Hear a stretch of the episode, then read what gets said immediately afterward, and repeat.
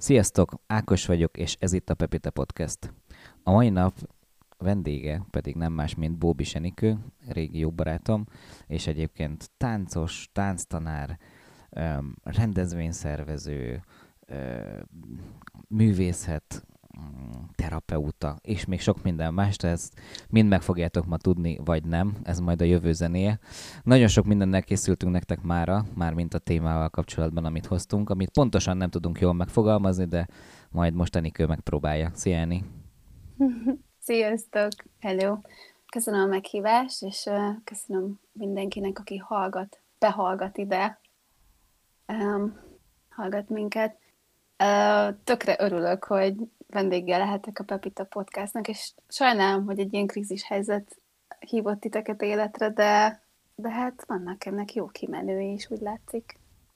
Azt mindenképpen szeretném hozzátenni, hogy Encsi ott volt a, a Pepitának az alakulásánál, ő volt az egyik tanár, aki tanított velem együtt, és a Rolandékkal együtt a, a Pepita kezdeténél, illetve mi már 2006 óta ismerjük egymást a Jam Tánc műhelyből, ahol az édesapja volt a tánctanár, úgyhogy, úgyhogy ez is biztos, hogy témája lesz a, a dolgoknak. Emellett pedig Pécsen végeztél. Um, pontosan mi is volt a szak, amit elvégeztél? Képzőművészetterapeuta, ez a hivatalos cím, címem. Tehát képzőművészettel is foglalkozol a tánc mellett, meg a rendezvényszervezés mellett? Nem. Na látjátok, látjátok nem annyira egyszerű a kép. Sokszor, sokszor lesz ez így. Így van, nem olyan egyszerű. Ez úgy történt, hogy nagyon szerettem volna művészetterápiát tanulni, és ami igazán érdekel, az a tánc és mozgásterápia, de nem találtam olyan egyetemi képzést, ami, ami Magyarországon ezt ö, oktatná, vagy tanítaná. Vannak különböző tanfolyamok, meg ö, képzések, hogy ismételjem itt a szavakat, de, de, de egyetemit nem találtam, és szerettem volna még elköteleződni egy, egy továbbképzésre, vagy egy mesterképzésre.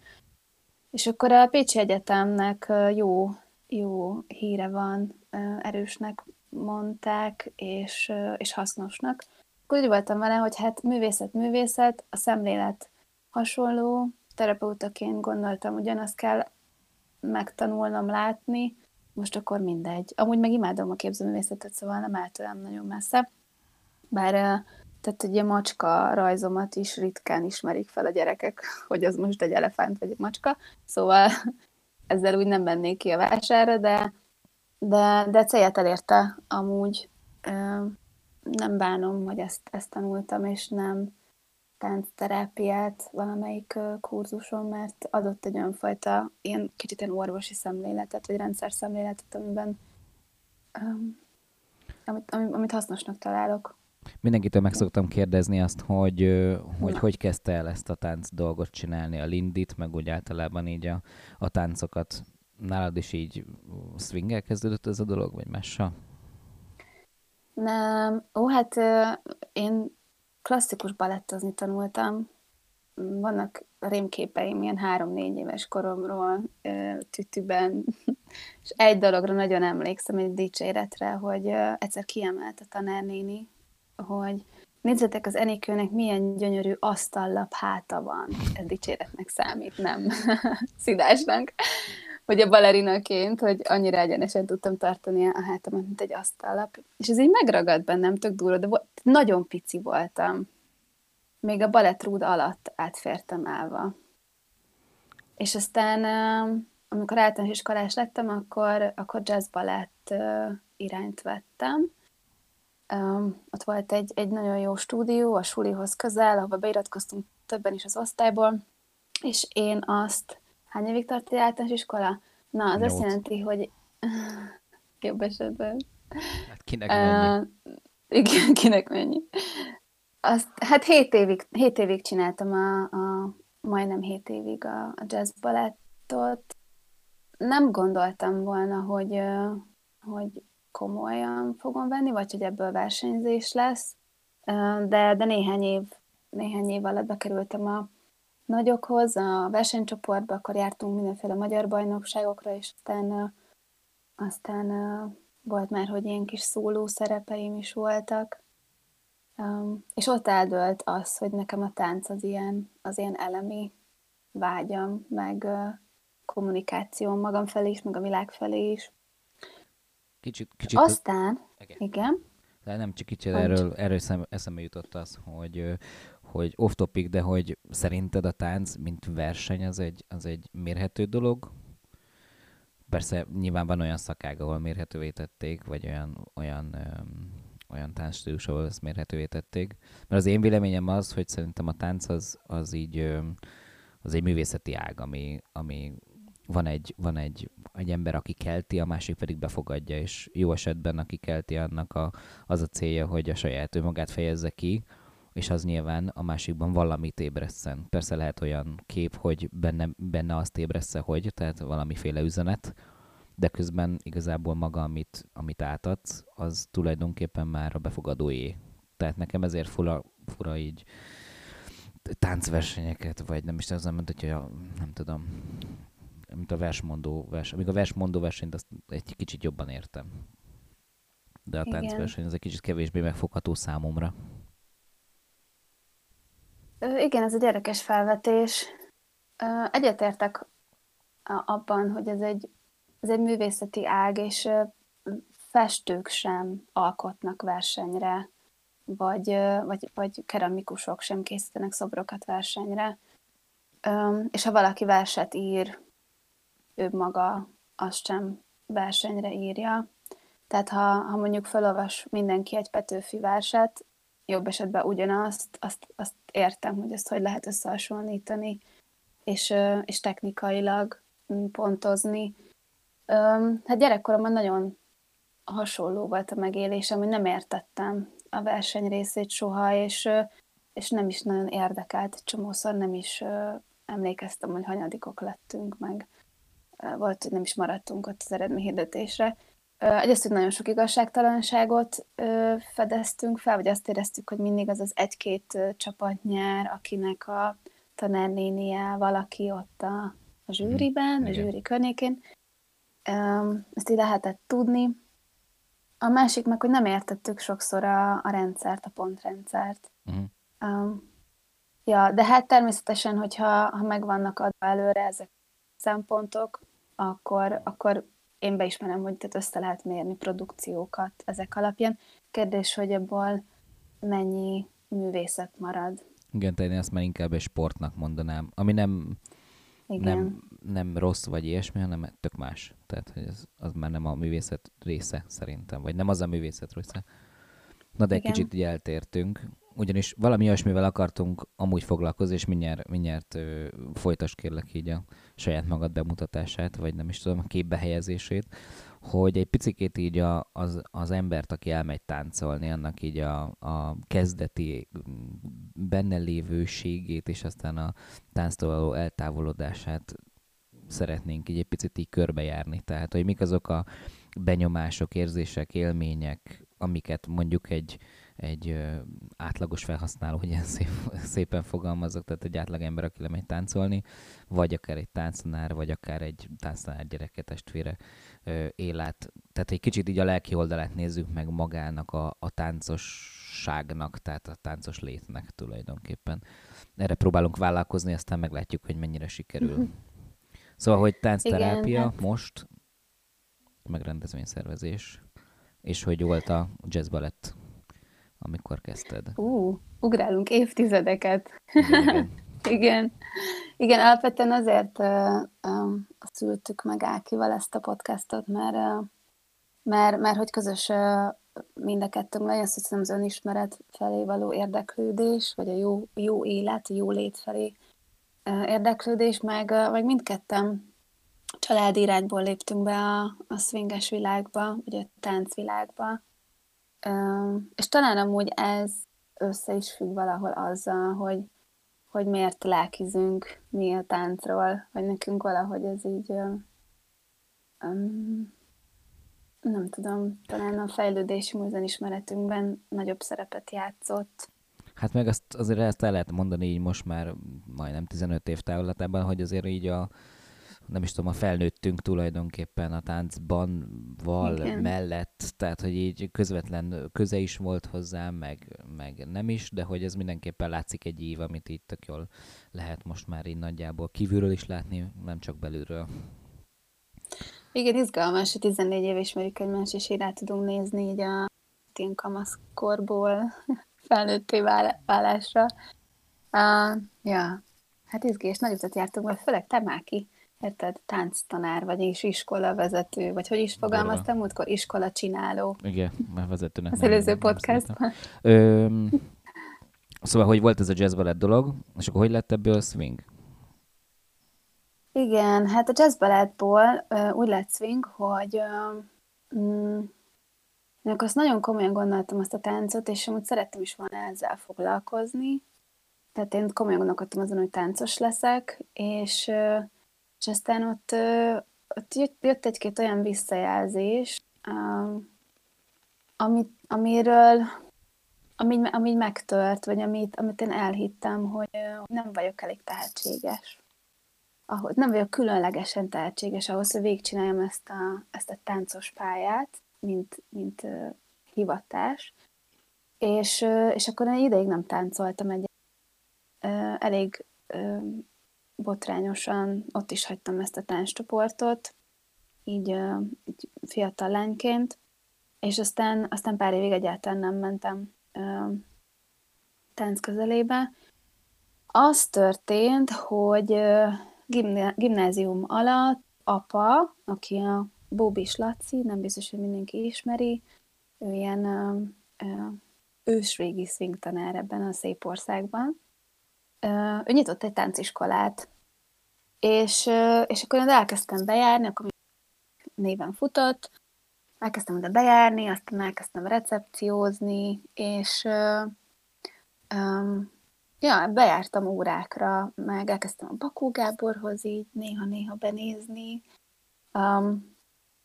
És hát akkor volt ez a swing dolog, ami ugye gyerekkorom óta végigkísért, swing, meg step dance, hát a step dance, éltem nem gondoltam volna, hogy valaha én steppelni fogok, mert az a, az a legerősebb élményem róla, hogy gyerekként bedugott füllel ültem a táncteremben, és nagyon szerettem volna, ha már vége van ennek a hülye próbának, mert annyira hangos volt, szóval engem nem nyűgözött le a step dance gyerekként egyáltalán.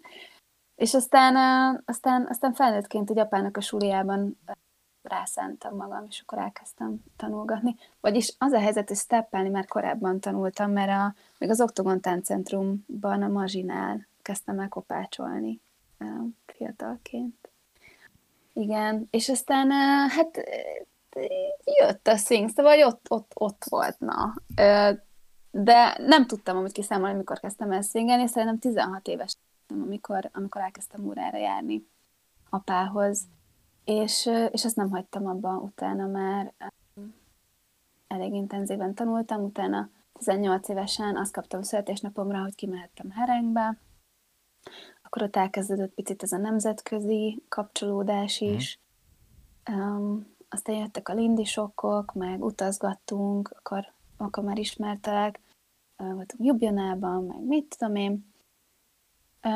És aztán elkezdtünk tanítani, szóval viszonylag gyorsan, ilyen három-négy év alatt kezdőszvingesből tánctanára avanzsáltam. Amit még Közben... igazából pontosan nem tudtuk meghatározni, hogy az így, az így mi mindennel jár amúgy az, hogy az ember tánctanár lesz, vagy hogy mondjam, hanem csak olyan egyértelműnek tűnt, nem? Hogy így ez az út, vagy hogy mondjam. Hát igen, igen, mert, mert szerettük az embereket, meg uh, alapvetően nekem is olyan hozzá nem, nem is tudom, hogy a Tibi vagy a Csabi mondta a múltkori pottotokban, hogy a, a Tibi, hogy ő tanár, és hogy, hogy eleve vagy úgy vesz részt órán, mint résztvevő, hogy, hogy azt figyeli, hogy hogyan tanítják a dolgokat, hogy miből tevődik össze egy folyamat. És nekem is ilyen ö, agyam van valahogy, hogy ezt figyelem. És annyira természetes volt, hogy ami bejön, annak ki is kell mennie, hogy ezt itt tovább kell, tovább kell adni. Abszolút. Igen.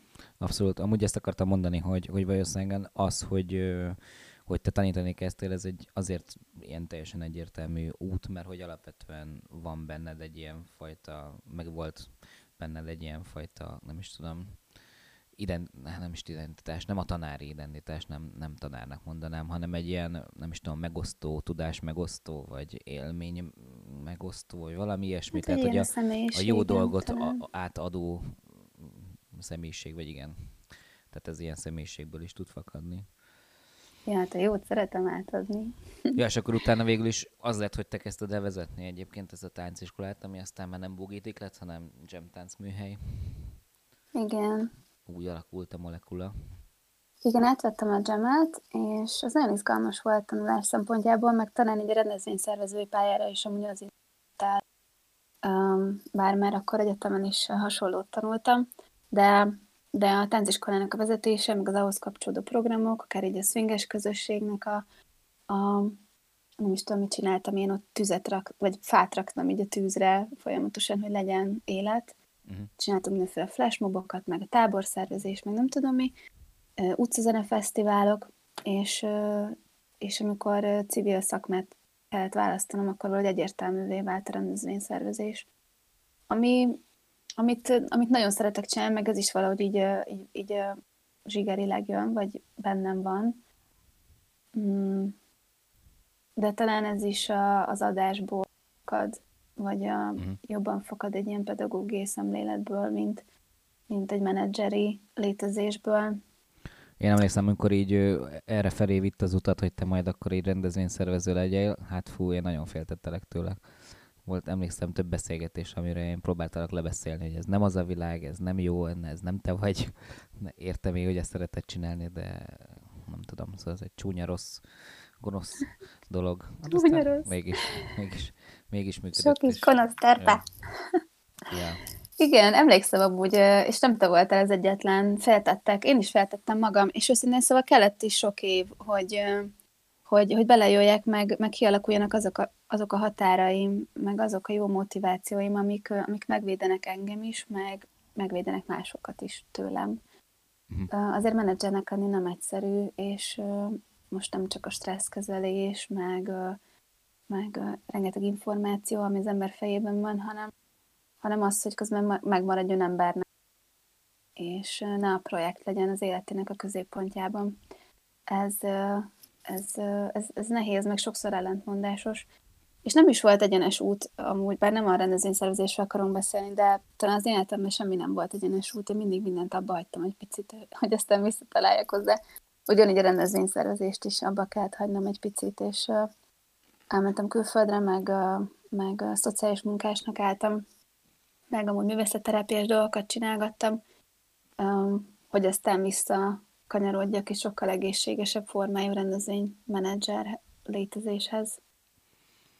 Én most már azóta én is láttam olyan rendezvényszervező cégeket, meg rendezvényszervezőket, akikben már el tudom hinni, hogy így lehet egészségesen csinálni ezt a dolgot. Akkor ez nem volt így, de a világ nagyon sokat változott egyébként azóta szerintem. Legalábbis így kívülről ezt, ezt veszem észre így, amikor kapcsolódásom van bármiféle ilyen rendezvényszervezővel. Mm. Na és aztán viszont ott hagytad ezt a tánc dolgot, meg így ezt a swing dolgot, akkor volt, hogy kimentetek Indiába pár hónapra. igen, igen. Én a, ugye a Rácz Nóri barátnőmmel kiutaztunk Indiába néhány hétre. Akkor írtam a szakdolgozatomat, amúgy tánca humanisztikus pszichológiában címmel a flow élményről és, és kellett egy kis idő, amíg, amíg azt így összepakolom. És akkor Rácz Nórival elmentünk Indiába, és ott jöttem én rá egy csomó mindenre valahogy a szakdolga, szakdolga írás közben, hogy hogy is állok én a, a, a tánccal, a motivációimmal, hogy mire használom azt az identitást, amit a tanárlét ad például, hogy hol vannak az én határaim, hogy hogy boldogulok a férfiakkal, hogy hogy boldogulok a nőkkel, hogy hogy boldogulok az édesapámmal, aki, akinek a főnöke vagyok egy tánciskolában, mert ő tanár, de közben az édesapám. Szóval volt itt egy csomó-csomó ilyen összekúszálódott dolog, nagyon szeretem a helyre rakni, és akkor úgy jöttem haza Indiából, hogy a szakdolgozatom mellett az a terv is kész volt bennem, hogy én, én átadom az iskolát, és, és magamra fogok koncentrálni, és leépítek minden olyan dolgot, amiben azt érzem, hogy nem tiszta a, a motivációm, vagy, vagy nincsenek határaim, vagy picit is el vagyok veszve. Mm. És akkor be is nem zártuk be a táncsulit, hanem átadtuk, lett belőle Mizu klub. Nem, marad Jam. Mm. Az, az előtt volt Mizu. Ja, marad belőle Jam. Really, igazad van, Tehát Bugidik, Mizu, Jam. Így volt. Azaz. Ja. De, De szívesen, vagy. szívesen, szívesen beszélek. Igen, így van. Um, na, ezt majd kivághatod. nem kell, szerintem benne maradhat. Ja. Igen, és amúgy, amúgy annál a határállításnál, um, ez egy nagyon erős határállítás volt. Én amellett, hogy kiszálltam a táncsuliból, meg kiszálltam a fellépő csoportból, a Happy Helpers fellépő csoportból, vissza is mentem Indiába. Vissza, oda költöztem kvázi négy hónapra. És, és én szociális munkás vonalon indultam, önkéntes voltam, mm, de, de alapvetően az az idő az, az, az értem volt, hogy én leváljak, hogy magammal foglalkozzak, hogy hát tudja gondolni dolgokat, meg, meg, meg hatalmas lehetőség szerintem egy idegen kultúrában szemében meglátni újra önmagadat, vagy először önmagadat kvázi, akik nem ismernek, akik, akik nem Nincs várnak el tőle semmit. Nincs történeted, igen.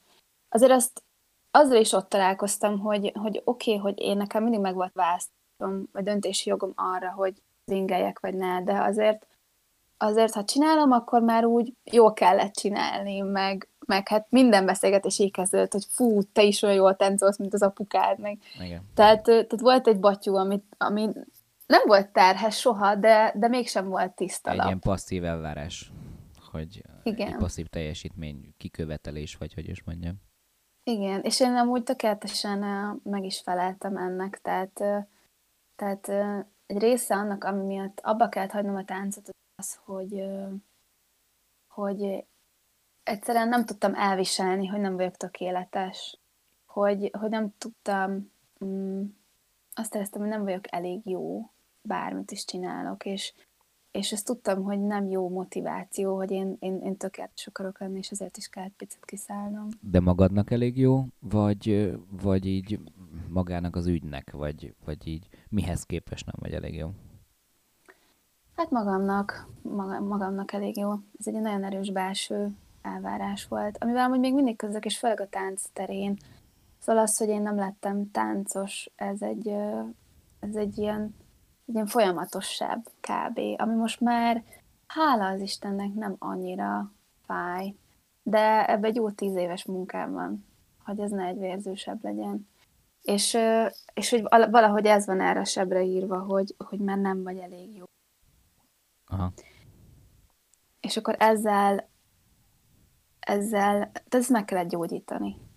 És ez egy nagyon hosszú folyamat volt.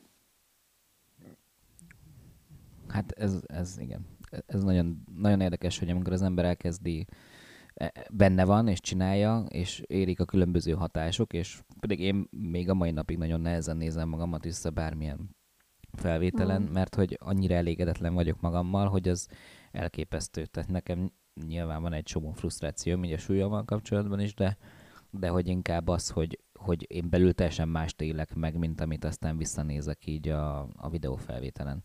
És pláne, amit végképp nem szeretek visszanézni, azok a különböző fellépések. Tehát ez, mert én ott akkor a színpadon azt érzem, hogy én mindent odaadok, és azt megtapsolják, és akkor az ott van, a befogadó megette, elvitte, hazavitte, övé. De hogy azt így visszanézve saját magamat, én tudom, hogy akkor mit akartam átadni, és hogy kívülről ez én magamat értékeljem abban, hogy hogy sikerült, az, az nehéz, mert én nem magát a mozdulatot vizsgálom, hanem a, a így az egész képet. Hogy, az élményt. Hogy, igen, hogy így mi az egész így egyben.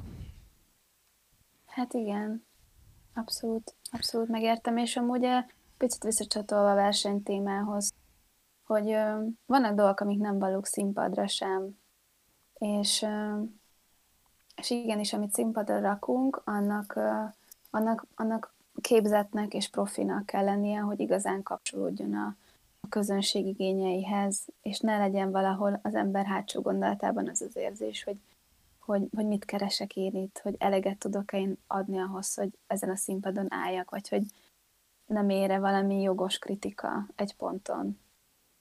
Hiszen nem végeztünk táncművészeti főiskolát, nincs lent a spárgánk, és nem tudunk három túrt sem egy helyben megforogni. És ezek, és ezek valós mércék színpadra állva, szerintem. Tehát, tehát az van, hogy, és most persze húzhatunk műfai határokat, és a swing egy picit más, de talán ez még mindig nem tiszta számomra, hogy ki is a táncos. Igen, ezt a, De a táncosnak van egy, vannak olyan egyet ö, tulajdonságai, amivel, amivel mi swing táncosok igenis nagy, nagyon nagy részben nem rendelkezünk. Rendelkezünk, akkor tánc miatt. Igen. Igen, meg hát alapvetően miért is rendelkeznénk? Tehát alapvetően aki swing táncos, az és akkor itt jön el a különbségtétel szerintem, hogy, hogy miért, jön el, miért jön le valaki swingelni, meg hogy miért, miért akarna olyan tudásra szertenni, és olyan tudást ápolni, mert az nem, nem úgy van, hogy én akkor egyszer megtanultam hármat forogni, meg én egyszer lementem spárgába, még én egyszer tudtam ezt a koreográfiát, csak hogy egy ilyen nagyon egyszerű dolgot mondjak, hanem ezt folyamatosan ápolni kell. Tehát, hogy azt, hogy az ember olyan, olyan ö, laza legyen, hogy olyan nyújtott legyen, hogy olyan erős legyen, hogy olyan, ö, nem is tudom, kondícióban legyen fejben is, meg, meg egyensúlyérzékileg is, hogy ezeket a dolgokat meg tudja csinálni, azt folyamatosan gyakorolni kell. És szerintem az legalábbis részemről volt ezzel kapcsolatban egy nagy kérdőjel egyrészt magammal szemben is, és aztán a táncosokkal, akikkel a, a Swing Potatoes-ban táncoltunk, aztán a táncosokkal, az, akik az óránkra járnak, hogy kitől mit lehet elvárni, hogy egyáltalán el lehet-e várni tőlük valamit, hogy magamtól amúgy elvárom ezeket a dolgokat. Tehát, hogy ez tök sok kérdés vett föl, és hogy, és hogy megszabni, hogy mihez mi kell. Tudod, ez tök jó, mert mondjuk elmész a autóversenyzőnek, akkor ott megvannak, hogy milyen licenszek kellenek ahhoz, hogy te így Igen. nevezhess magad, vagy hogy nem tudom, hogy építész legyél ahhoz, ehhez meg ezt kell tudni. És hogy ez a táncművészetén nyilván van ilyen, de hogy mondjuk swing táncosként, hogy te mitől leszel fellépő csoport, vagy mitől leszel tánctanár, vagy mitől leszel, nem is tudom, haladó táncos, ezek mind ezek a kategóriák, ezek nincsenek így egyetemesen leírva. Ami nem is jó, meg jó is mert amúgy meg részint valamilyen szinte relatív, szerintem. Hát igen. Igen, az a helyzet, hogy azért ez egy, ez egy, ez egyfajta néptánc, meg a közösségért ö, kialakuló tánc, a swing. Tehát úgy értem, hogy a, a, az utca emberének a, a mozgás formája, és nem színpadra ö, íródott eredetileg. Ö, Ja, nehéz kérdés, hogyha a Franki bácsékra gondolok, vagy mondjuk van a házapin, az van, hogy egy, egy átlagember nem tudja megcsinálni azt a koreográfiát, tehát hogy ők is ö, nem balettképzéssel, de, de, de mindenféle skilleket megmozgatva ők, ők képezték magukat, hogy azt, azt végig tolják, tehát akárkinek mutatom meg azt a videót, a, a Házapopinnak a, a Lindy jelenetét, az álla leesik, és a nyála kifolyik, és nem érti. Tehát nagyon kemény munka van a mögött. Szóval igen, ez nehéz, meg az is nehéz, hogy, hogy kinek, kinek mi van ebben, mi motiválja, hogy ezt az egészet csinálja, és hogy, hogy utána az egyenlő arányban pozíciója és a beletett energiája, mert egy tanártól igenis több várat, több várattatik el, mint ahogy egy felépő csoportos taktól is több várattatik el, mint csak az, hogy jól érezze magát, meg kényelmesen. Igen, és ezért, ezért nagyon nehéz, mert hogy támogatjuk a, a, a néptáncot nagyon helyesen, támogatjuk a, a balettet, támogatjuk a modern táncot, most így mondjuk így állami szinten gondolkozom ezen, és közben ott van például egy szerintem nagyon támogatandó műfaj a Lindy Hop, vagy hát így a, a swing táncok, ugyanis az van, hogy, hogy nincs értelme nagyon jónak lenni benne. Tehát, hogyha ezt, ezt a dolgot nézed meg, mert tulajdonképpen ahhoz, hogy nagyon-nagyon jó legyél benne, ahhoz nagyon sok időt kell belefektetni, az időpénz, meg a pénzidő, tehát hogy ezek oda-vissza járnak, és, és nagyon sok odaadást kell érte tenni, és hogyha ez nem csupán azért van, mert neked elvakult hobbid ez a dolog, akkor, akkor hanem valamit akarsz ezzel a dologgal kezdeni, akkor és igazából mindegy, hogy most az swing tánc, vagy, vagy néptánc, vagy argentin tangó, vagy bármi, akkor, akkor, akkor majd mondjuk egy fiatalnak, aki gondolkodik azon, hogy hú, ez jól néz ki ez a tánc, de hát mondjuk egy táncosként nem biztos, hogy van értelme vele foglalkoznom három évet. Ezáltal nem annyira, nem annyira, nem annyira könnyű ez. Tehát, hogy mondjuk minden, minden tánc, illetve minden műfaj megérdekel, megérdemelni magának szerintem azt, hogy, hogy azok, akik igazán jók benne, azok, azok, azok megkapják azt a fajta elismerést, amire vágynak. És ez most nem, nem feltétlen, vagy nem elsősorban, meg másodszorban, meg harmadsorban anyagi. És ezért van szerintem egyébként a, a verseny sok esetben, mert nem lehet mással motiválni sok esetben a, a gyerekeket, meg az embereket, meg, meg ilyesmi. Mert kell valamiféle olyan dolog, am, egy cél, amiért csinálja az ember. Hallgattam a Peter loggins egy beszélgetést, ahol arról beszélgettek, hogy, hogy megváltozott a szerepe a, a, a táncban lévő nagyon jó táncosoknak. Régen azzal tudtak pénzt keresni, például a frankiek, hogy versenyeztek. Tehát nagyon Igen. sok táncosnak nem volt pénze. Azért táncoltak részén, mert valamit tenni kellett. És volt egy darab öltönyük, amit így cserélgettek egymás között, mert több táncos lakott együtt, és elmentek egyik héten ez versenyezni, másik héten az, meg mentek ide-oda az összes bálterembe versenyezni, hogy meg legyen a akkori betevőjük. Tehát, hogy ez, és most a, akkor azzal lehetett pénzt keresni, meg a fellépéssel, meg a tévésóval, meg bla bla bla.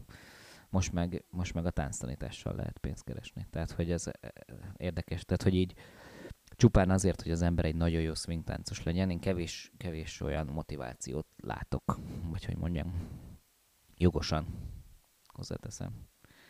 Hmm. Tehát, hogyha mondjuk azt mondod, hogy, hogy mondjuk te egy olyan swing táncos vagy, aki nem akar és nem szeret koreográfiákat megtanulni, és mondjuk nincsenek, nincs ambíciód a tanításra, akkor így akkor így hülyének néznek, vagy így furán néznek rád, hogy most akkor így, és akkor így mit akarsz, mit akarsz ettől. Tehát, hogyha nem tudsz megnevezni egy célt azon kívül, hogy szereted ezt csinálni, akkor így, akkor így nehéz.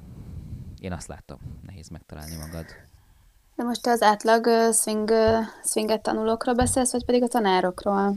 Nem, nem a tanárokról beszélek, hanem, hanem annak a dilemmáját próbálom felfedni, hogy, hogy, hogyha hogy mi az a, mi az a hogy is mondjam, cél, amit el lehet ezzel érni, hogy jó swing táncos vagy például. Vagy tök mindegy, a swing is, most a swing azért egyértelmű, vagy azért jó erről beszélni, mert a hallgatóság nagy része is így a, a swinget látja át így közösségileg, én is leginkább, úgyhogy ezért beszélek erről.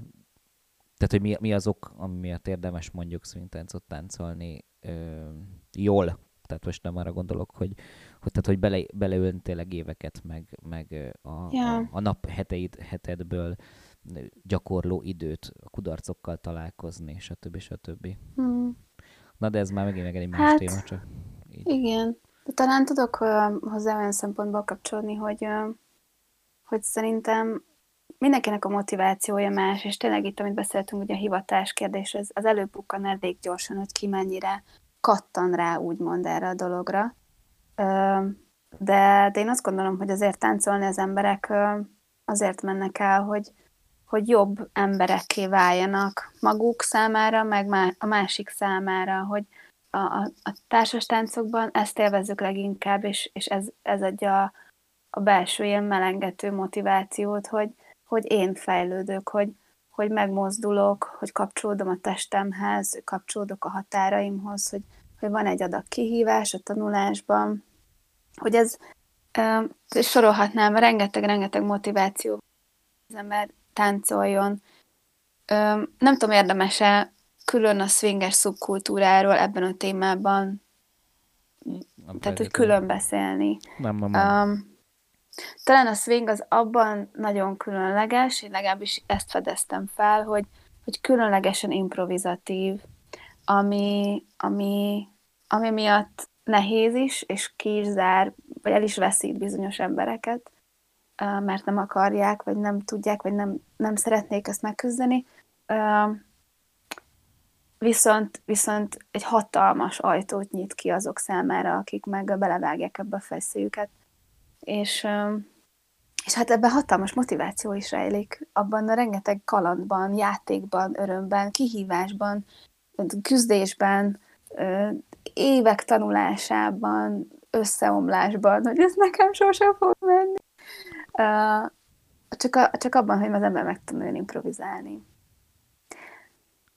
Igen, de hát ez hatalmas motiváció. Én azt gondolom, hogy, hogy a, a, az emberek nagyon nagy része ezt a vegyes örömmel teli kihívást meg tudná nevezni, mint addikció kb., ami ott tartja őket a swingnél. Igen, neked egyébként te, te meg tudod ö, fogalmazni, hogy ö, mi az a dolog, ami téged így, így ben, behúz, bent tart a táncban, most nem feltétlen csak a swingben, hanem mi az, ami, ami bent tart? Tehát mi ez az addikció? Uh, igen.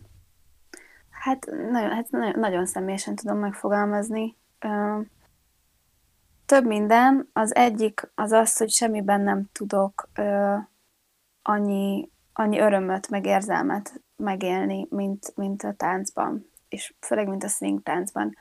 Aminek az oka az egyik az az, hogy a zene, azt nagyon élvezem, és nagyon szeretem, és, és nagyon szeretek hozzá kapcsolódni, imádom a, a jazz zenét. A másik meg, hogy ez az a mozgásforma, amiben a legtöbb energiát öltem, és amiben, amiben a legtöbb tudásom van, és mm. emiatt a legszabadabb tudok benne lenni. És ezért, amikor lemegyek egy táncos buliba, nem tudok más csinálni, mint hogy fülig ér a szám. um, és ez az öröm, um, ez, ez abszolút, abszolút bent tart. Um, folyamatos benne a kihívás, sose értem el a végét, nem untam meg soha, sem a táncot, sem a zenét. Mm, van úgy, hogy különböző belső blokkok miatt nem tudok úgy kapcsolódni, vagy nem érdekel, vagy nem akarok. És volt is ilyen az elmúlt években, hogy nem hallgattam swing zenét egy évig, de tényleg nulla. meghallottam az Ella Fitzgeraldot, és elkapcsoltam. Hát mm. hülye vagy, oké. Okay. de hogy így, de hogy nem volt rá igényem, hogy azt éreztem, hogy bármi más, hogy ne, ne swing. De ennek is megvolt a maga ideje. És lehet, hogy lesz is még. Hm, nem tudom. Nálam például... De alapvetően, mond, igen, mondjad. mond. Kíváncsi vagyok, hogy neked, téged mi tart bent. Hát én nagyon, nagyon sokat dilemmáztam ezen a dolgon, de arra jöttem rá, hogy engem mindenben az, az érdekel, hogy hatást tudjak vele kiváltani a befogadóból, és ha lehet, akkor is. Akarsz róla beszélni? nem. Vagy hát így éppen beszélek róla. Szóval, hogy nekem így a, a, a, link, a, a swing táncok, azok a pont ahogy te mondtad, így a formanyelvnek az ismeretén keresztül a legotthonosabb terep, emellett meg imádom a jazzzenét, úgyhogy, úgyhogy ez a kettő az, ami miatt ez a két ilyen plusz, ilyen booster, ilyen extra ilyen hozzáadott dolog, ami miatt még pluszt imádom csinálni, de hogy, de hogy mondjuk videókat készíteni, vagy fotózni, vagy, vagy podcastet csinálni, például nem kell táncolni, csak beszélgetünk. Tehát, hogy én mindenhol arra vágyom, hogy emberekből hatást váltsak ki. És hogy az mindegy igazából arra is rájöttem, hogy, hogy ez pozitív vagy negatív, csak valami hatás legyen, mert hogy abból én tudok valamit megérteni, vagy lehet, hogy nem, csak így azt gondolom, hogy az, az majd engem így valamerre így érdekel. De nem tudom megmondani, hogy miért. Például eszembe jutott egy, egy történet, hogy nem tudom, beszélgettünk korábban arról, hogy, hogy miért kell megölelni valakit, és hogy ez, hogy ez miért jó. Mert tulajdonképpen nem is nekem kell az az ölelés, hanem csak kíváncsi vagyok, hogy ez az ölelést, hogy mit ad vissza például. És ugyanez a táncban is, amikor táncolok egy lányjal, aki, aki kívülről az néz, hogy ki, hogy tök jó táncol, vagy tök jó vele táncolni, hogy ez egy tök nagy visszacsatolás, amikor ez így van. Viszont, hogyha meg nem így van, akkor meg nagyon le tud lombozni. De hogy, de hogy maga a tánc is nagyon izgalmas, de hogy annak a megismerése nagyon érdekes, hogy na vajon vele, amikor táncolok, akkor az, az ilyen milyen élmény lesz, vagy mit tud kihozni belőlem. És ezért érdekes a külföldi ö, tapasztalatszerzés, vagy a külföldre járás nekem valamilyen szinten, mert új benyomásokat szerzek mert én is másképp táncolok másoknak a hatására. És ez a páros hmm. táncnak az egyik csodálatos velejárója, hogy veled éppen teljesen másképpen táncolok, mint mondjuk az Enik, a, a, mint mondjuk a Bogival. Az én vagyok. Igen. Vagy mint a Bogival, vagy mint a Mónival, tehát hogy, Igen. hogy én egy teljesen más ember vagyok akkor, amikor ezekkel az emberekkel táncolok, és közben meg mégsem. Tehát ez az érdekes. Nekem. Ja, hát uh, igen, egyetértek azzal, hogy hogy ez egy, ez egy körforgás, és hogy amit adunk, abból, abból visszakapunk, és így tud működni, ezért tud működni a, a vezetéskövetés, mert ez nem egy, irány, egy egyirányú dolog. Adok, aztán elmegy vele, hanem bent, bent tartjuk ebben a körforgásban mindent, amit kölcsönösen adunk egymásnak. És rengeteg lehetőség van, ugye alapvetően erről szól a kis műsorunk, hogy milyen lehetőségek vannak az önreflexióra, vagy az önismeretre táncon keresztül. Uh, rengeteg lehetőség van arra, hogy, hogy az ember, mint egy tükör, most úgy mondom, hogy használja uh, a táncot, használja magát, meg a másikat, meg a helyzetet, hogy, hogy értékelje picit, vagy, vagy ránézzen. De én azért nagyon fontosnak tartom azt, hogy uh, akkor tud ez jól működni, hogyha, hogyha ha a táncteremben is, vagy a táncos bulikon is ö, megmaradunk komplex embernek lenni, és hogyha az identitásunk az nagyon sok különböző lábon áll, ö, tehát, tehát hogyha nem sikerül egy tánc, és a kardomba dőlök, vagy ha, ha rosszat csinálok, idézőjelben rosszat, ti nem látjátok, de mutogatok, tehát nem, nem úgy sül el, ahogy szeretném, vagy esetleg fájdalmat okozok. A legutóbb úgy megütött valaki az egy swing buliba, hogy három hétig lila volt a karom. és hogy ezeket a kudarcokat, vagy ezeket a, ezeket a rosszabb élményeket, ezeket hogyan viselem, uh, hogyha nincs egy jófajta távolságtartásom magamtól, hogy, hogy ránézek, hogy ú, igen, hát ennek ez volt a következménye, hogy vagy, vagy hú, hát igen, na ez is én vagyok, vagy ú, ez is a másik, vagy ahogy mi találkozunk, az így és így és így lel, és ez lehet jó vagy rossz, ahogy mondod, de hogy van egy távolságtartásom, hogy uh, egyszerűen csak ránézek, tanulok belőle, amit tudok, és aztán, és aztán elengedem, és, és továbbállok. Ha ez nincs meg, akkor, akkor, uh, akkor szerintem a tánc is, mint ahogy bármi más, az ember beleteszi magát, tud veszélyes lenni, meg tud káros lenni, meg tud, tud függőség lenni. Um, és az, az tud bonyodalmat okozni az életünkben. Az nagyon érdekes egyébként, amikor az emberek lejönnek táncolni először. Nagyon sokféle típussal lehet találkozni egyébként így már adoknak is, akik benne vannak régóta, vagy egy kicsit ideje, tehát mondjuk túl, túlestek már ezen a részén, amikor így be kell be kell ö, szocializálód, vagy be kell asszimilálódni egy, egy, ö, egy közösségbe, meg, meg azok az új élmények, tehát aki már táncos, annak is nagyon izgalmas szerintem, meg annak, aki meg életében nem, nem csinált semmit a testével azon kívül, hogy ülelt, feküdt, aludt, futott, sportolt, nem tudom. Tehát, hogy annak egy olyan, olyan, ö, olyan mozgásrendszert elsajátítani, ami nem a sajátja. És, akkor, és ez egy csomó csomó dolgot hoz magával, tehát amiket mondtál, a különböző nem identitás közösségi szerepek, tehát ezek, ezek itt mind bejönnek, és szerintem egy olyan, mint hogyha ezzel a ezzel az ilyen iszfokozóval így megfognál és meghintenéd az egészet, mert hogy, mert ugye teljesen idegen szituáció, és minden nagyon intenzív. És hogy, és hogy kettő embert, vagy három embert látok, van az, aki aki mondjuk a nulla, nulla, aki ugyanúgy viselkedik egy ilyen szituációban, mint bármilyen más szituációban. Tehát, hogy őt nem lehet kizökkenteni ebből a fajta nyugalmából, vagy hogy mondjam, van, aki kicsit túlreagálja, és van, aki meg alul. Tehát, hogy a, aki túlreagálja, az nagyon szeretne mindent érezni, és mindenre nagyon nyitott lenni, és van, a, van aki meg így megpróbálja bezárni magát így a dologba, hogy ne sérüljön, ne fájjon akár az, hogy nem tudja még a lépést, akár az, hogy ott van mellette egy partner, akár az, hogy nem érti, hogy most akkor mi ez a zene, amire ott el kell kezdeni táncolni.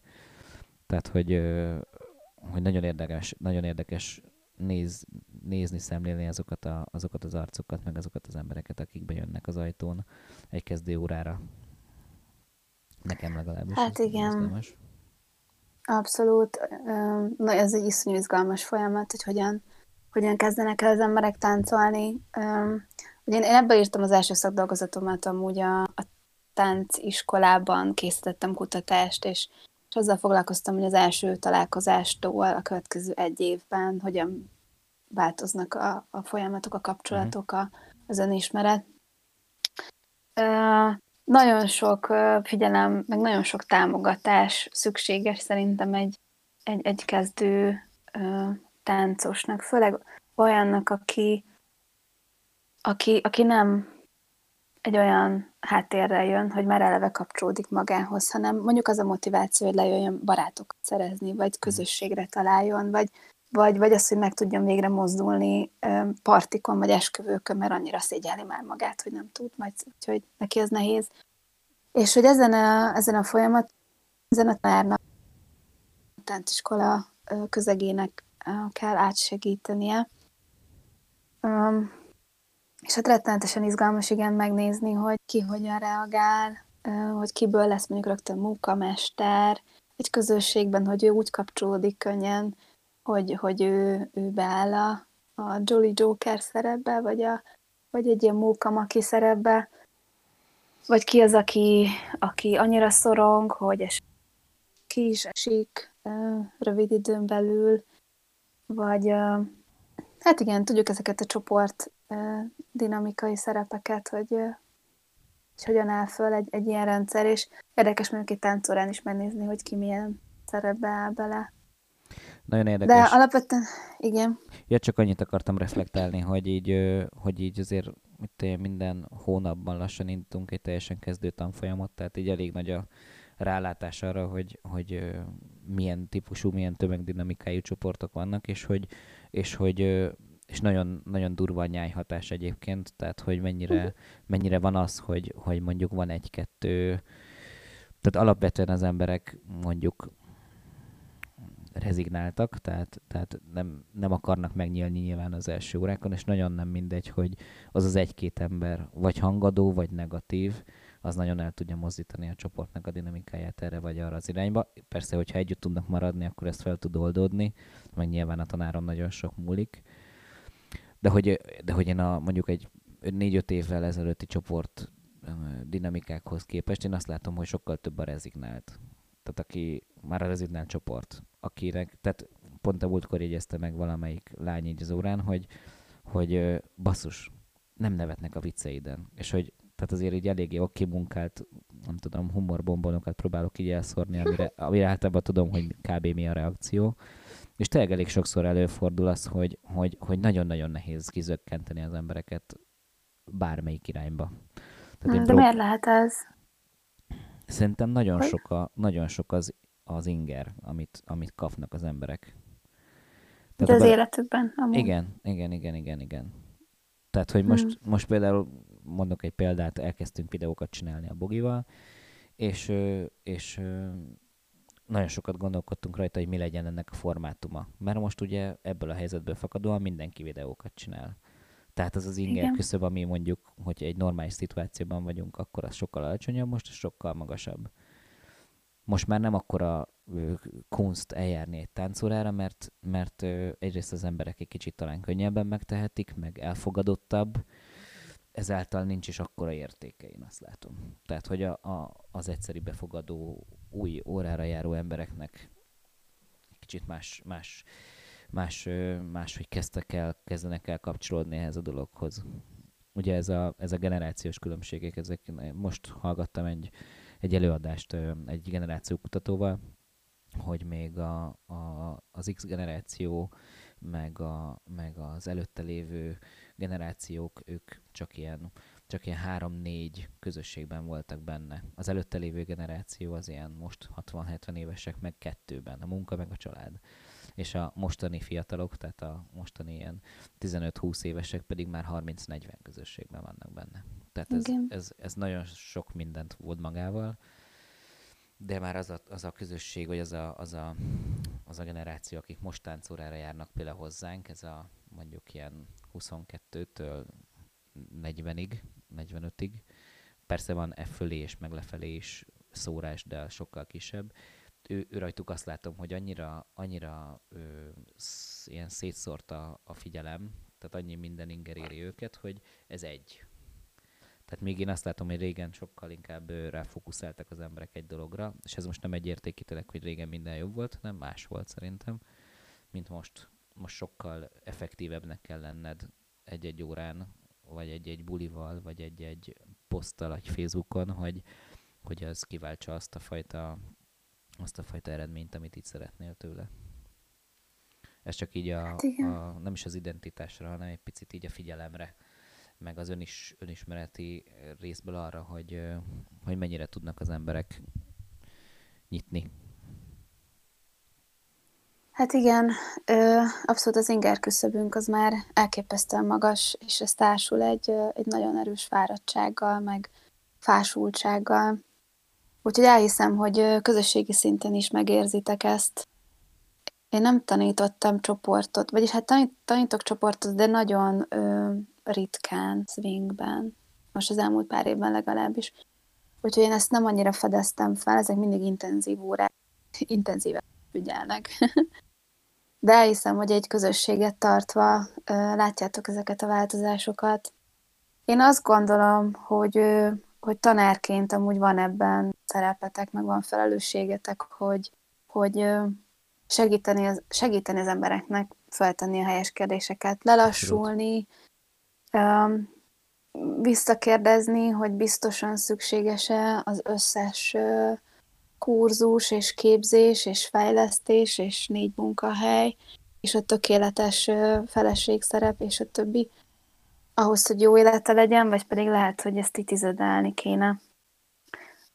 Szóval ez egy jó kihívás szerintem felétek is, hogy az emberek életéről tágabban gondolkodni tánctermen és a táborokkal, meg egy-egy közösségi alkalommal szerintem már ilyen területre is akár. Igen.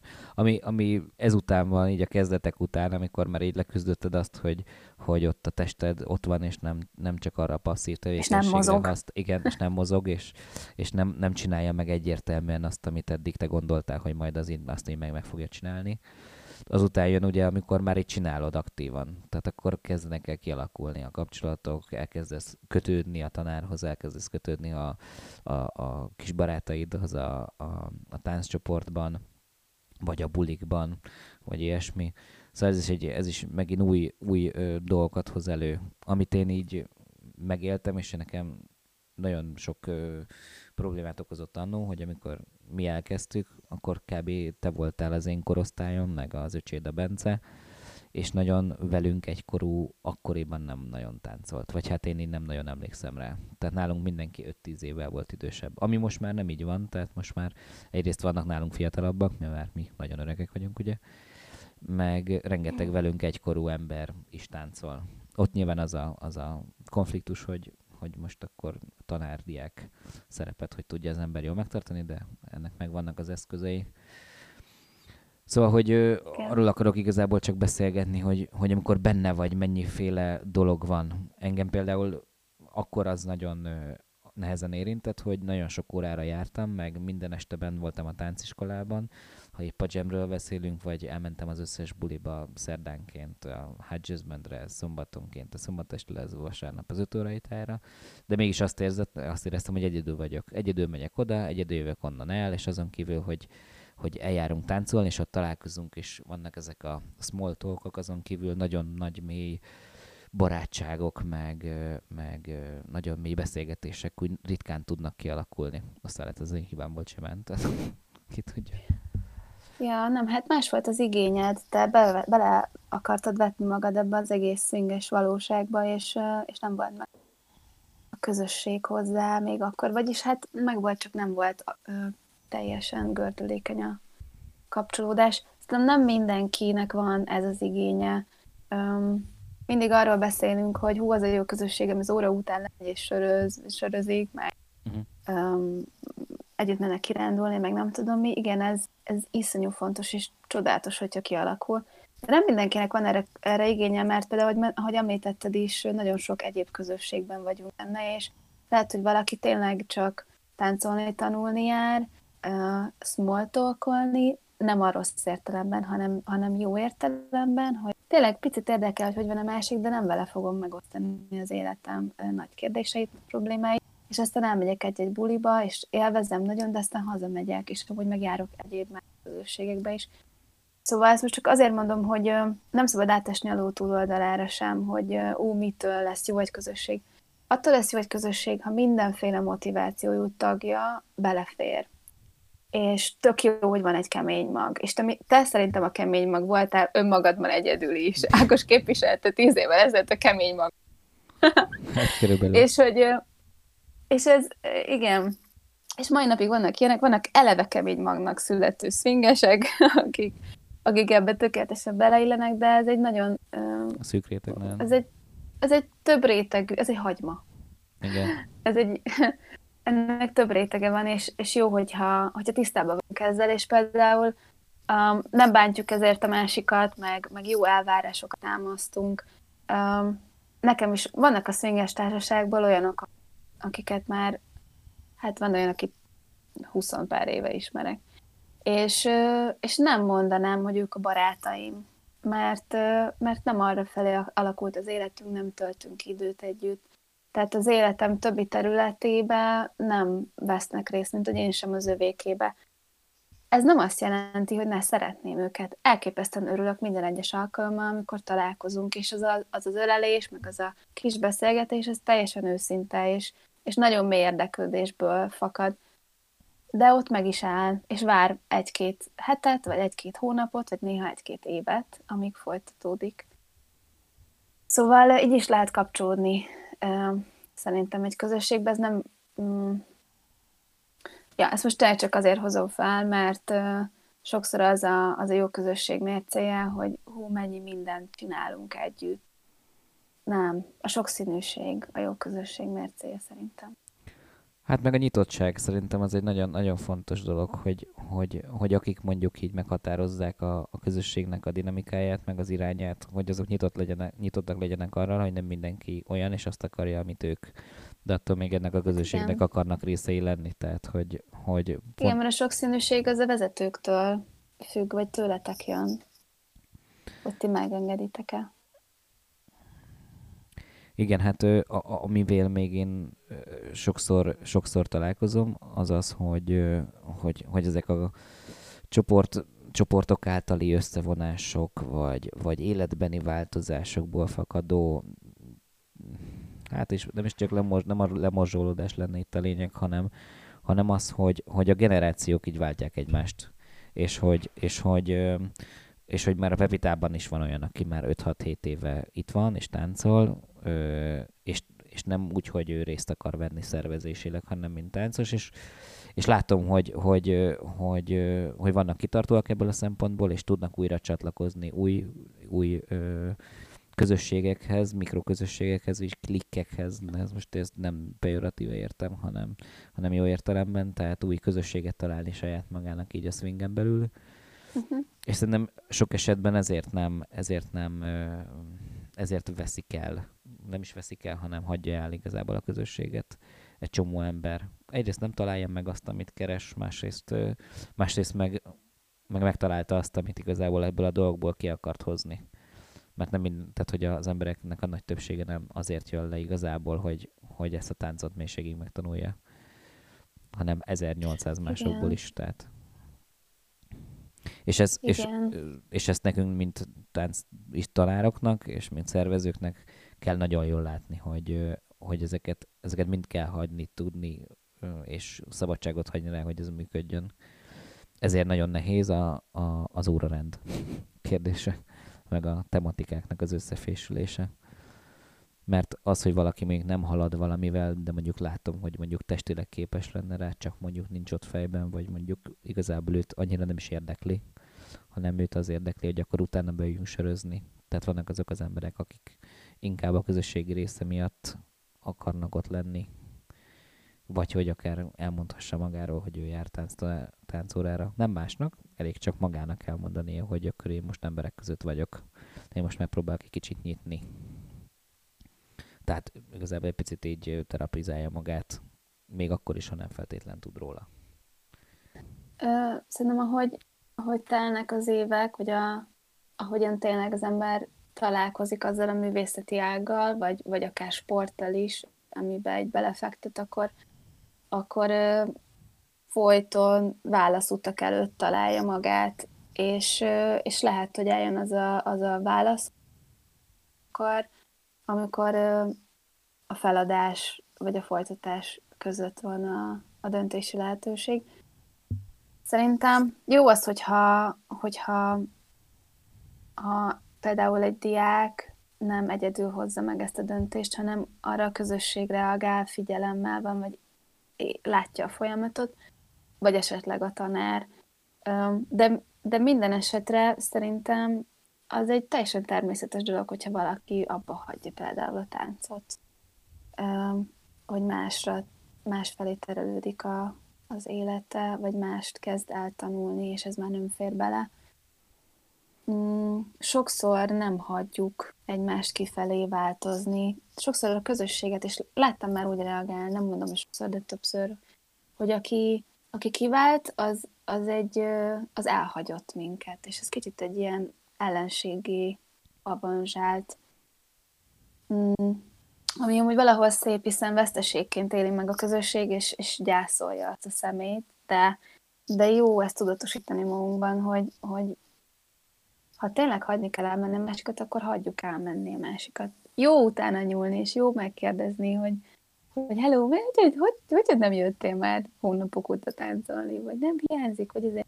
De ezt is csak azt teheti meg, aki amúgy, amúgy emberként kapcsolódik a másikhoz. Igen. Igen, igen, igen. Eszembe jutott még az, hogy, hogy te mondtad, hogy amikor gémoltatok Indiában, akkor uh, tudtak rád nézni, mint volt egy üres lapod, ahol, ahol nem volt melletted egy ilyen bőrönt, hogy nem tudom, én vagyok a tánctanárnak a lánya, nem volt rajtad a teljesítménykényszer, stb. stb.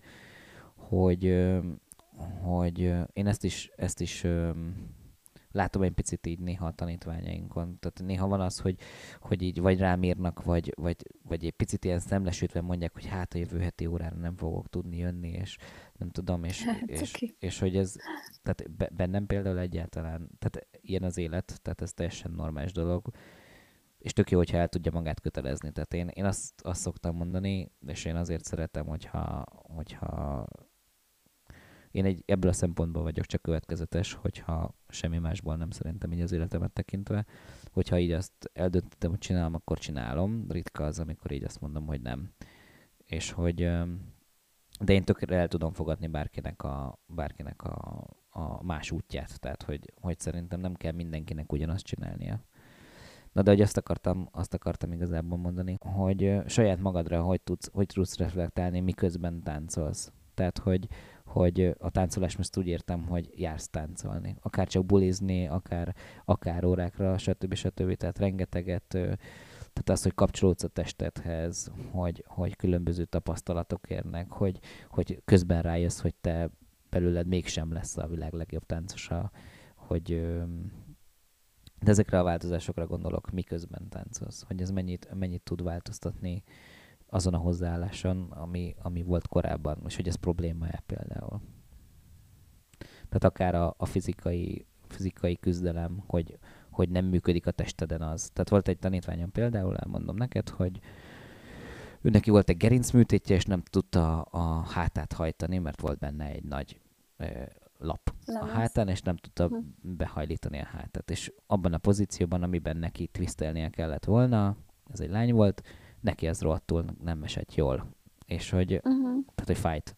És hogy imádta magát a táncot, meg a mindent, és egyszerűen érezte, hogy nagyon szűk az a tartomány, amiben ő ezt tudná csinálni. De közben annál ő maximistább volt, hogy akkor ezt elfogadja. És amellett, hogy mondjuk 90%-át ki tudta volna venni annak a dolognak, hogy ő swinges, amellett ő elment, és megpróbált valami más csinálni. Öm, mert úgy érezte, hogy ez annyira bántja őt, hogy, hogy nem tud vele együtt ja. élni. Igen, hát igen, és nem, nem biztos, hogy rosszul tette, mert, mert lehet, hogy egyrészt lehet, hogy fájdalmat is okozott neki ez a mozgás forma, a másik meg, hogy lehet, hogy ez hogy ő még nem tette túl magát azon, hogy egyfajta vesztességgel kell együtt élnie, és ez egy túl nagy emlékeztető volt, vagy túl mély emlékeztető állandóan, hogy neki mi az, ami nem megy, hogy mik, mik lettek az új korlátai, az új határai. Ja, amúgy a kérdésedre reagálva, hogy hogyan tudok reflektálni magamra, Ugye itt az önismeretről kezdtünk el beszélgetni. Én nagyon szeretem azt a felosztást, hogy, hogy megnézni a tükröt így hat, hat irányba fordítva, hogy az én, te, ő, mi, ti, ők, mm.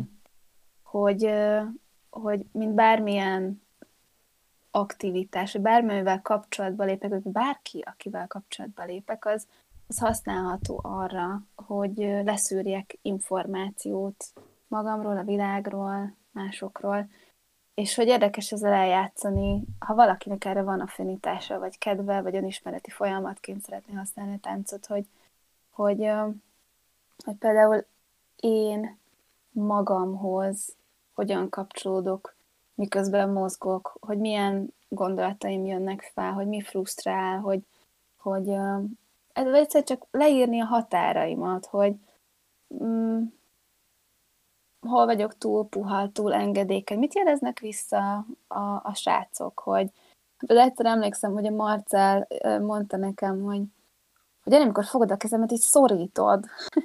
és én nagyon-nagyon frusztrált időszakomat éltem, nagyon stresszes voltam, és nem vettem észre, hogy én konkrétan szorítottam a kezét. És hogy, hogy, hogy át, átjött belőlem az egyetlen kapcsolódási ponton egy olyan feszültség, aminek semmi köze nem volt az aktuális helyzethez, az ő személyéhez, vagy, a, vagy tényleg a jelenlegi egy olyan ö, pár hetet éltem, hogy meg kellett hoznom egy tök nagy döntést, és, és féltem, frusztrált voltam, és fizikailag szorítottam. Ö, nagyon érdekes volt, mert egy tök erős jele volt annak, hogy ú, valahol máshol kell uh, elgondolkodnom így a frusztrációim felől. Tehát, hogy használható a kapcsolódás arra, hogy, hogy én gondolkozzak, reflektáljak. Aztán kap, használható arra, hogy, hogy, hogy te rád, akihez kapcsolódok, aki, akire figyelek, hogy, hogy rólad leszűrjek információkat. Ami mindig kérdéses, ugye, hogy tiszta-e az az információ, hogy tényleg a másikról szól, hiszen az én szememmel keresztül látom, van egy szűrő, hogy mit veszek észre, mit akarok észrevenni. De hogy nagyon sokat tudunk tanulni a másikról, hogyha picit akár így leülünk egy buliban, és csak szemléljük a másikat.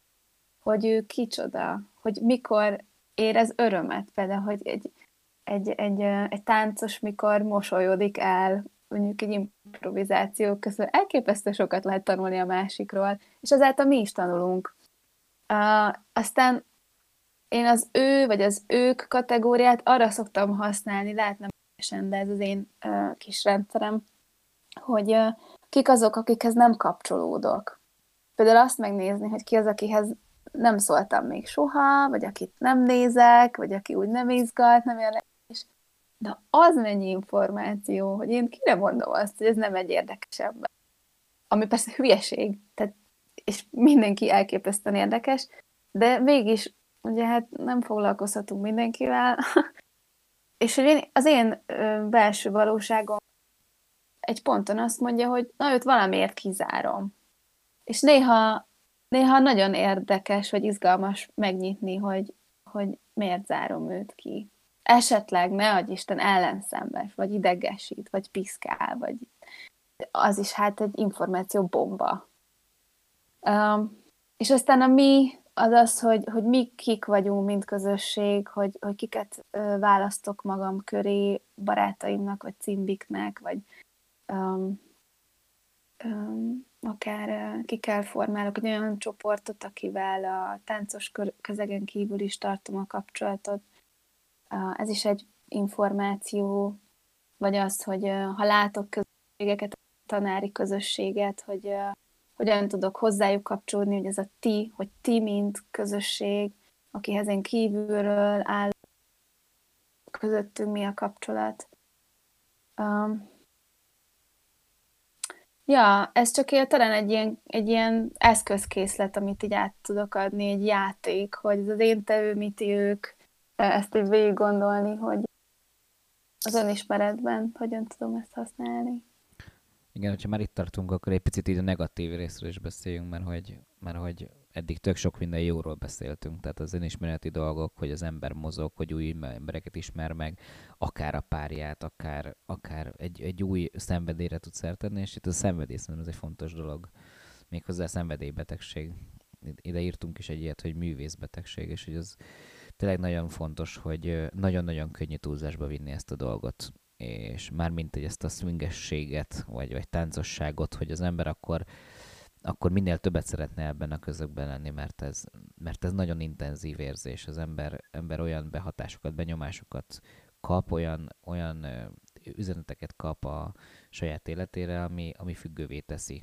Tehát, tehát mindenhol ott kell lennie, minél többet ott kell lennie, minél, minél jobban rá akar erre a, erre a vonatra ülni, és én azt látom, hogy mindenkinek van szerintem egy idő, ilyen időszakok. Tehát kevés olyan táncost ismerek, akinek ez így nem válik egy ilyen, egy ilyen kis ö, szívecsücskévé, és akkor van ott rengeteget. Ennek a mértéke nem mindegy szerintem. Én, én egy ideje már próbálok azokat az embereket, akiket így látok és körülvesznek, és nagyon, nagyon azt látom, hogy így belegüzülnek a dologba, mindig próbálom egy picit fékezni őket. És azt mondanám, hogy inkább egyel kevesebb órára járj, vagy, vagy ne gyere le minden buliba. Amikor azt érzed, hogy most annyira nincsen jó kedved. Mert, mert hogy ez oda fog vezetni amúgy, hogy az emberek, emberek így besokalnak tőle. Tehát egyszer, vagy az, vagy az lesz, hogy nem tudnak kiszakadni belőle, és, és kicsit, kicsit elválik az, hogy, hogy most mi a, mi a valóság, és mi, az, mi az, ami már, ami már csak így mellékképzelsz, mert hogy, mert hogy az a fajta intenzivitás, amit mondjuk a táncban megélsz, az, az nem a valóság feltétlenül. Tehát a, a, az, órák, az órákban, a napban, amit, amit vagy, az, az nem, ez, a, nem ez, a, ez az érzés fogja ö, megadni tulajdonképpen, amit a tánc hordoz magával. Már maga most én konkrétan a táncolásra gondolok meg nyilván az a, az, a kap, az, a, az a társaságban levés is nagyon veszélyes tud lenni, amikor igazából az ember nincs is társaságban. Szóval elmész, ez egy könnyed dolog, mert, mert nem kell feltétlenül kapcsolódjál valakihez felelősséggel vagy tudatosan, de mégis ott vagy, mégis emberek között vagy. Szóval, szóval érdemes, érdemes egy kicsit így az embernek figyelnie magát ezzel kapcsolatban, mert hosszú évek tudnak úgy eltelni, hogy igazából igazából az ember csak így bolyong ebben az egész, egészben, amit így nem is tudom, táncos létnek hívunk, de igazából hívhatnánk bárminek, tehát akárminek lehet így ravivává válni szerintem, tehát akár a, a, az autósportnak, akár a, nem is tudom, biciklizésnek, tehát hogy, hogy bármiről is beszélünk, ez előjöhet ez a fajta függés, és itt most akár beszélek a sajátoméről is, tehát hogy, hogy, hogy amikor az ember nincsen jól, akkor nagyon könnyen, nagyon könnyen tud gyaturzásba vinni azokat a dolgokat, amiben instantan jól érzi magát. Például a kaja is lehet ilyen, és akár Igen. a tánc is lehet ilyen, a táncos bulik, a külföldi utak, ahol pláne, hogyha az ember ügyes és mondjuk nyer versenyeket, ahol simogatják az ember lelkét, vagy mondjuk reflektorfényben van, az egy, az egy nagyon, nagyon veszélyes szituáció, hogyha az ember azt nem tudja a saját, saját helyen kezelni. Igen. És, és ezzel hát, kapcsolatban kell tudni segítséget kérni, szerintem.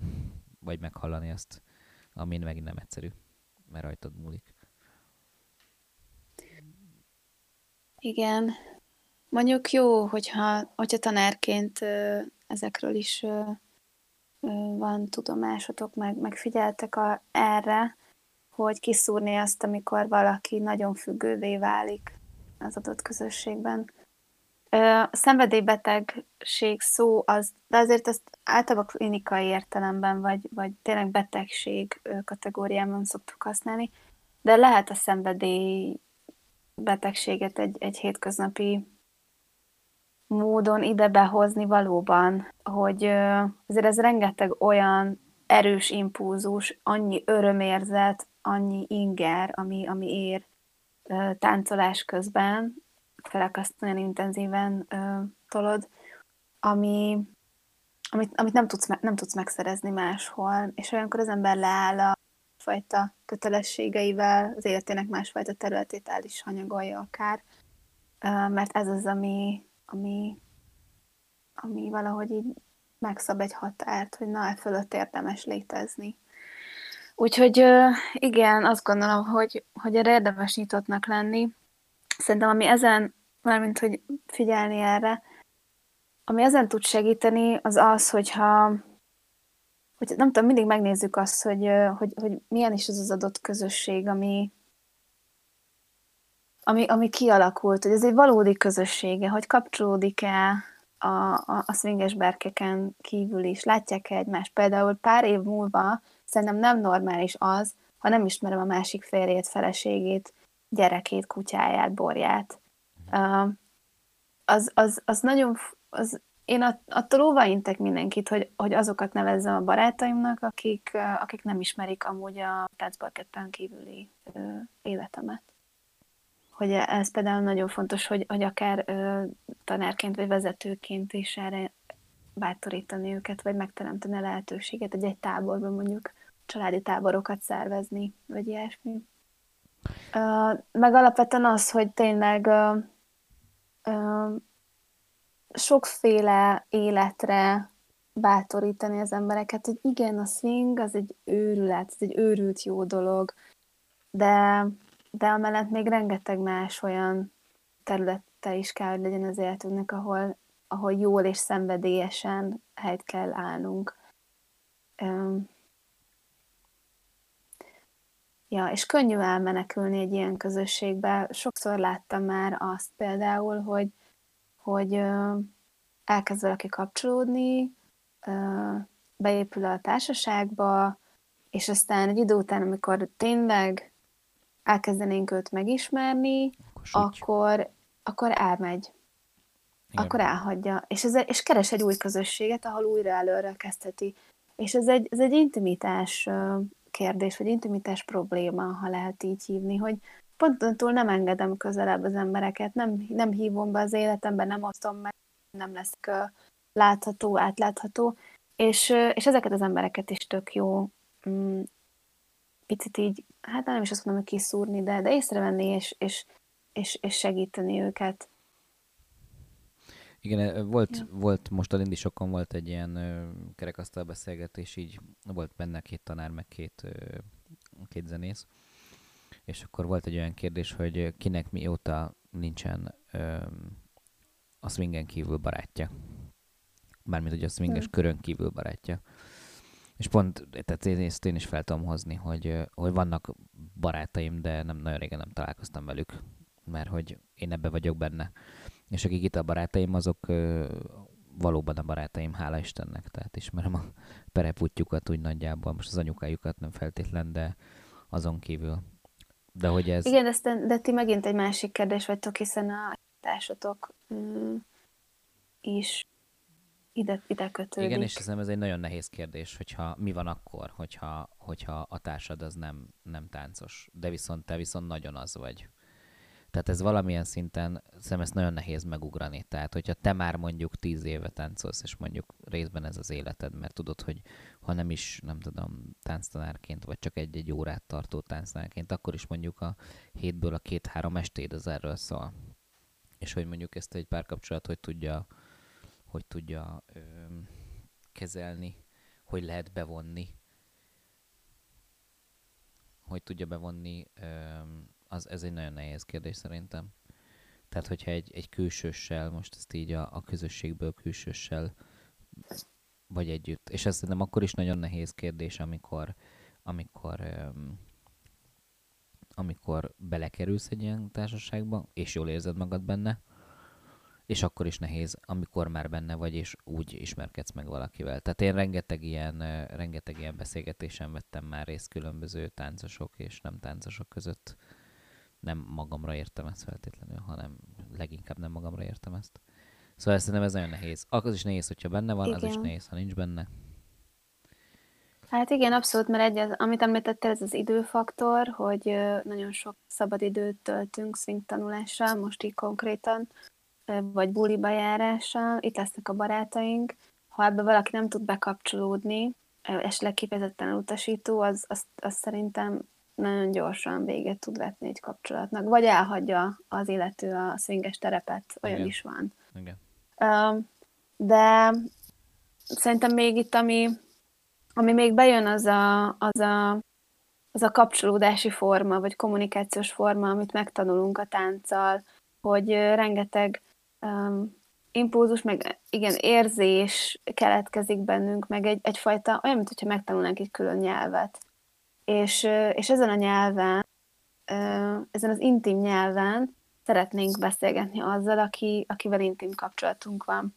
És, és, és ez okoz még szerintem sokszor nehézséget, hogy, hogy ez egy tudatos kompromisszumot igényel sok embernél. Nem mindenkinél amúgy egyáltalán, de sok ember, ha olyan párja lesz, aki, akivel ebben nem tud osztozni. Ennek ellenére egyáltalán nem lehetetlen szerintem. Én nagyon sok, nem. nagyon sok tánctanárt, táncos, profi táncost ismerek, akinek totál máshonnan van a férje, felesége, és, és boldog kapcsolatban élek, de nagyon tudatosnak kell benne lenni. Igen. Meg itt az is kérdés, hogy mire, mit jelent nekem ez a tánc, hogy itt, uh, itt határaim vannak, és, és, és beszélgetünk, és játszunk, és, és tanulunk, és élvezzük a, az adott nyelvet, amit mondjuk a táncot az adott helyzetben, és utána hazamegyünk, és kész. Vagy pedig, vagy pedig kötődünk olyan formán is, amit nem lehet adni, amit nem, nem csukom be magam után az ajtót, és, és maradott, hanem, hanem most nem tudom pontosan, hogy mit is akarok ezzel mondani, csak szerintem fontos az, hogy milyen motivációnk a tánctanulásra, hogy most ebből én identitást építek, és, és csak azzal tudok kapcsolódni, akivel ezt meg tudom élni, Um, és ilyen zsigeri szintű marad ez a kapcsolódás, na, na ott nem tudom elképzelni, hogy valaki olyan valakivel legyen, akivel ezt nem tudja megosztani. De aki meg ezt egy, egy hobbiként fogja fel, meg egy, egy formájaként a kommunikációnak, az le tud erről válni, és tud más formákat használni kapcsolódásban. Igen, abszolút én is így gondolom. Öm, utolsó kérdésként te most hogy kapcsolódsz a swinghez? Mit ad neked a swing, amikor lemész egy buliba? Vagy meghallasz egy jazz számot? Hmm. Hát én, én bennem egy hihetetlen ilyen nosztalgikus örömban. Az elmúlt hónapokban kezdtem el újra látogatni a Pepita partikat. Már megéred bennem amúgy a dönt, szeretnék kapcsolódni, nem csak a tehát így a tánchoz nagyon, a zenéhez nagyon, és a közösséghez is. Uh-huh. Uh, szeretném látni, hogy mi történt azokkal az emberekkel, akiket nem tudom, 10 éve ismerek, meg titeket is látni, hogy mi lett belőletek, meg ilyesmi. Bennem egy, hát amit az elején kérdeztél, hogy mit ad nekem a tánc, szóval valamennyire ismerem ezt a, ezt a formát, bár őszintén szólva rengeteget változott a swing, és elképesztően ügyesek az emberek, és öröm nézni, az összes kisebbségi komplexusom előjött amúgy a bulikban, tehát azt érzem, hogy így le kell porolnom magam, és ha leporol, cool vagyok, tehát egyszerűen magában a tudásom az, az, az, az old school. Tudom, hogy valószínűleg most már én együtt fogok élni, tehát nem hiszem, hogy én ezen túl fogom küzdeni magam, de, de nagyon érdekes nézni, hogy, hogy hova változott a téma. Élvezem a magam határa, vagy korlátain belül nagyon-nagyon élvezem a, a táncolást. Elképesztően élvezem a páros táncot, annyira um, annyira kitüntetve érzem magam, amikor oda jön hogy szóval sokszor nem is értik az emberek, mert, mert elég éreszám, és, és iszonyú, olyan, vagyok, mint egy kis kutya, aki így rohangál körbe-körbe így a, így a, a, a bulin, de, de hogy amikor valakivel osztozni a táncban, um, hihetetlen örömet okoz. Az elmúlt években én nagyon sokat táncoltam egyedül, kortárs táncolni tanult, magammal táncoltam, csoportban táncoltam, de főleg magamból nyertem az inspirációt, és megfogja valaki a kezem, és kommunikál valamit, elképesztő, elképesztő élmény, annyi, annyi impulzust kapok ebből, hogy, hogy nagyon élvezem, és hát szeretnék, um, szeretnék uh, kitartani emellett, és, és beépíteni hétköznapjaimban 8 éves koromig, mert igazából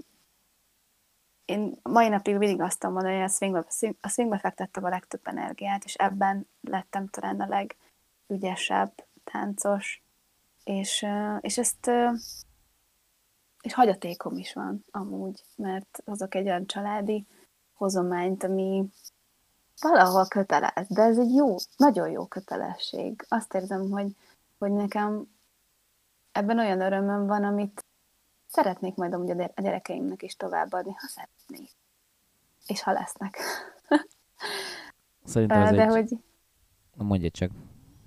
nem, csak hogy így jó, jó újra megélni azt, hogy, hogy én kapcsolódom ehhez a dologhoz, és, és, és örömmel kapcsolódom, szabadon kapcsolódom, és szabadon szeretném továbbvinni. Legyen ez a végszó enni, szerintem nagyon, nagyon jó kis beszélgetés volt. Ö, nem mondom, hogy minden, minden részére emlékszem, de, de szerintem jó volt. Élvezhető. Igen, nagyon köszönöm. Igen, és remélem élvezni fogjátok. Ö, Tudatok, hogy Ákossal írtunk egy ilyen szakdolgozat alapot nagyjából ehhez a beszélgetéshez, és, és kb. semmit nem említettünk meg belőle. Hát nem. De, De hát végül is- szóljon az ehhez, hogy tizen nem tudom hány éve ismerik egymást, és az elmúlt 5-6 évben nem beszélgettünk, szóval Úgyhogy most ezt meg, ennek a levét tízszátok meg. igen, Köszönöm, szépen a Köszönöm a beszélgetést. Köszi. én is. Sziasztok! Sziasztok!